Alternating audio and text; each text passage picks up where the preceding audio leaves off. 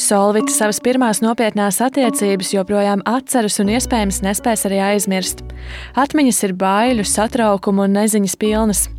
Kā viņa stāsta, es nevarēju zināt, kurā brīdī viņš mani vēros.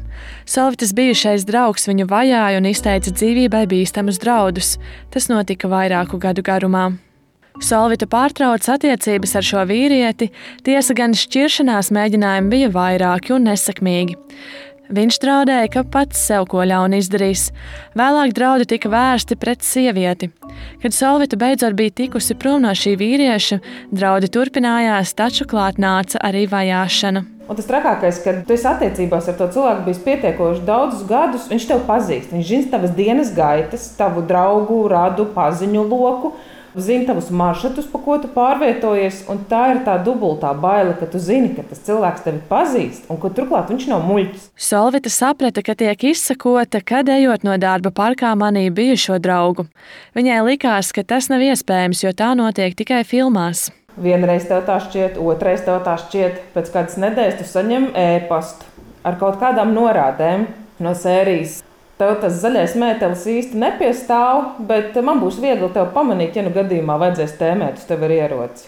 Un tajā brīdī tu saproti, ka jā, man bija viņš mugurā, tad mani tiešām kāds vēroja. Solvita saņēma ne tikai draudus dzīvībai, bet arī bojāts tika sievietes īpašums. Tur tika sisti logi ārā, gan, gan mājai, gan mašīnai spridzināti stikli atstātas paskastītē patronas čaulītes, ar kaut ko sarkanu, līdzīgu asinīm notraipītas durvis, lai izskatītos tā. Un katrai šai darbībai pēc tam nāca ēpasts, bet tas ēpasts bija uzrakstīts tā, ka tu saproti, bet tu nevari pierādīt.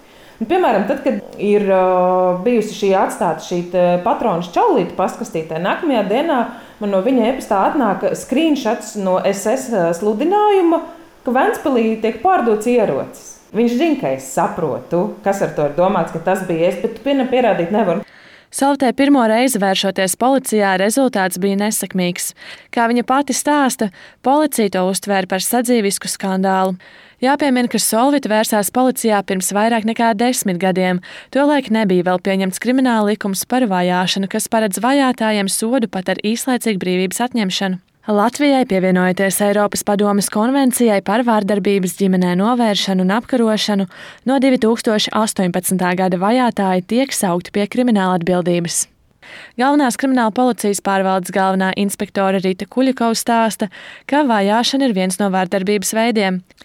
Inspektori stāsta, ka kopš pieņemts šis likuma pants, policijai ir lielāka rocība šajā jautājumā. Tas nozīmē, ka izmeklēšanas laikā vajātājiem var noteikt dažādus aizliegumus.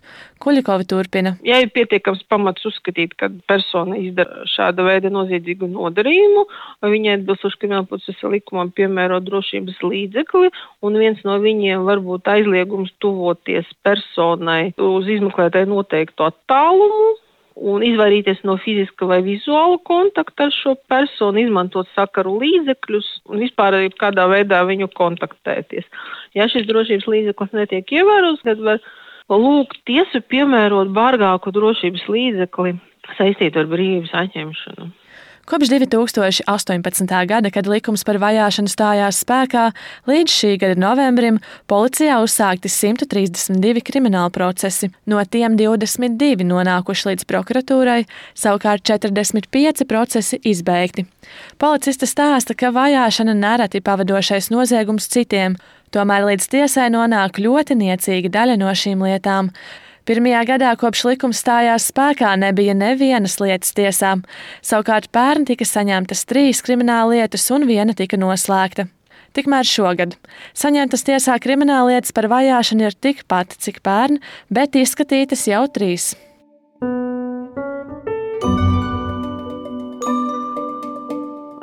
Kad Solvita atkārtoti gāja uz policiju, viņu sadzirdēja kāds likumsargs, kurš reaģēja uz notiekošo. Kā viņa saka, man vienkārši paveicās un tika uzsākta krimināllieta par draudu izteikšanu. Tad sekoja tiesa, uz kuru Solvita pati negāja, bet gan pilnvaroja kādu citu. Viņai bija bail to cilvēku satikt.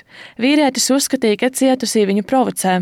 Ja nedod Dievs, man kaut kādā sakrā bija jānobrauc gar viņa māju ar automašīnu vai jānoiet garām turienei. Nākamajā dienā sekoja rīcība. Atkal kaut kur kaut kas izsists, kāds stikls eh, vai kaut kas. Viņš to uzskatīja, ka es provocēju. Lai izvairītos no jebkādām darbībām, kas varētu vajātāju provocēt, Solvita nolēma slēpt savu privāto dzīvi. Es apzināti slēpu savas laulības ceremoniju un, un, un faktu kā tādu zināju tikai tuvākie. Tāpatās es īpaši nepublicēju laiku, kad es gaidīju bērnu. Jo es nezināju, kas atkal viņu provocēs un uz ko viņš īsti ir spējīgs. Pirmajā instancē birokrātiskas kļūdas dēļ lieta netika uzsākta. Lai visu mūžu nebūtu jādzīvo bailēs, sieviete sadūšojās un devās uz apelācijas tiesu.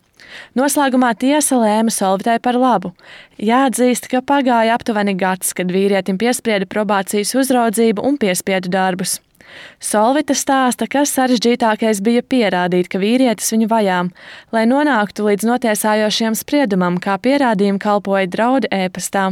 Savukārt katru reizi, kad tika bojāts viņas īpašums, Solvita sauca policiju, lai tā fiksē pierādījumus.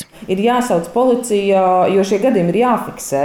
Jo, ja tev pēc tam tiesā būs jāsaka, viņš man bija izsists stikls, nu kā tu pierādīsi, ka tev bija izsists, ja gadījums nav fiksēts juridiski?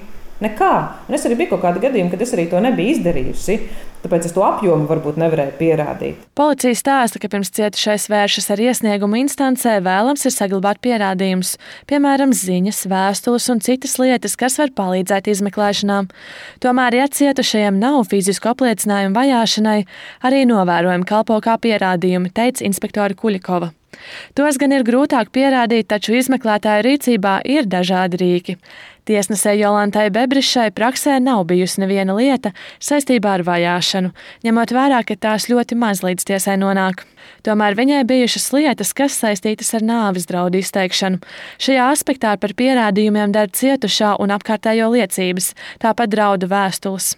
Tiesnese Bebriša uzsver, ka svarīgākā ir paša cietušā uztvere pamatā šeit būtu tās darbības, ko ir apsūdzētais darījis, reālās darbības, kas ir bijušas, un cietušā psihiskā uztvere.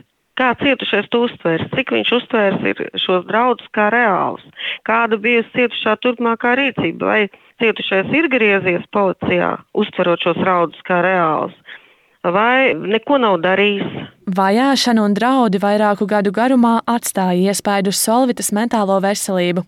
Bailes viņu noveda līdz veģetatīvajai distonijai ar panikas lēkmēm. Sieviete stāsta, ka tas aizgāja tik tālu, ka vienmēr viņa skatījās pār plecu, jo nebija droša, vai viņai nesako.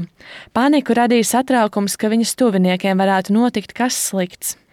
Sieviete cieta no emocionālās vardarbības, no kuras nespēja tikt vaļā. Nereti runājot par vardarbību ģimenē, ir zināmi instrumenti, kā cietušais tomēr var tikt nošķirts no varmākas. Ja policijas darbinieks konstatē tūlītēju apdraudējumu cietušā dzīvībai, brīvībai vai veselībai, un cietušais ir iesniedzis policijas darbiniekam pieteikumu, tad policija nekavējoties izsaukuma laikā pieņem lēmumu par nošķiršanu, tādējādi aizliedzot varmākam tuvoties cietušajam. Policijas nošķiršana ir spēkā astoņas dienas. Ja cietušais uzreiz zina, ka ir nepieciešams ilgāks nošķiršanas laiks, tad policija sagatavo pieteikumu un iesniedz to tiesai.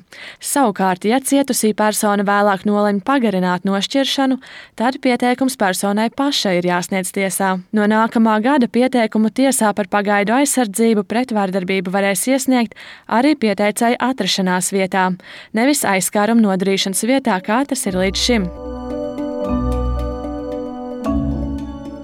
Ir pagājis kāds laiks.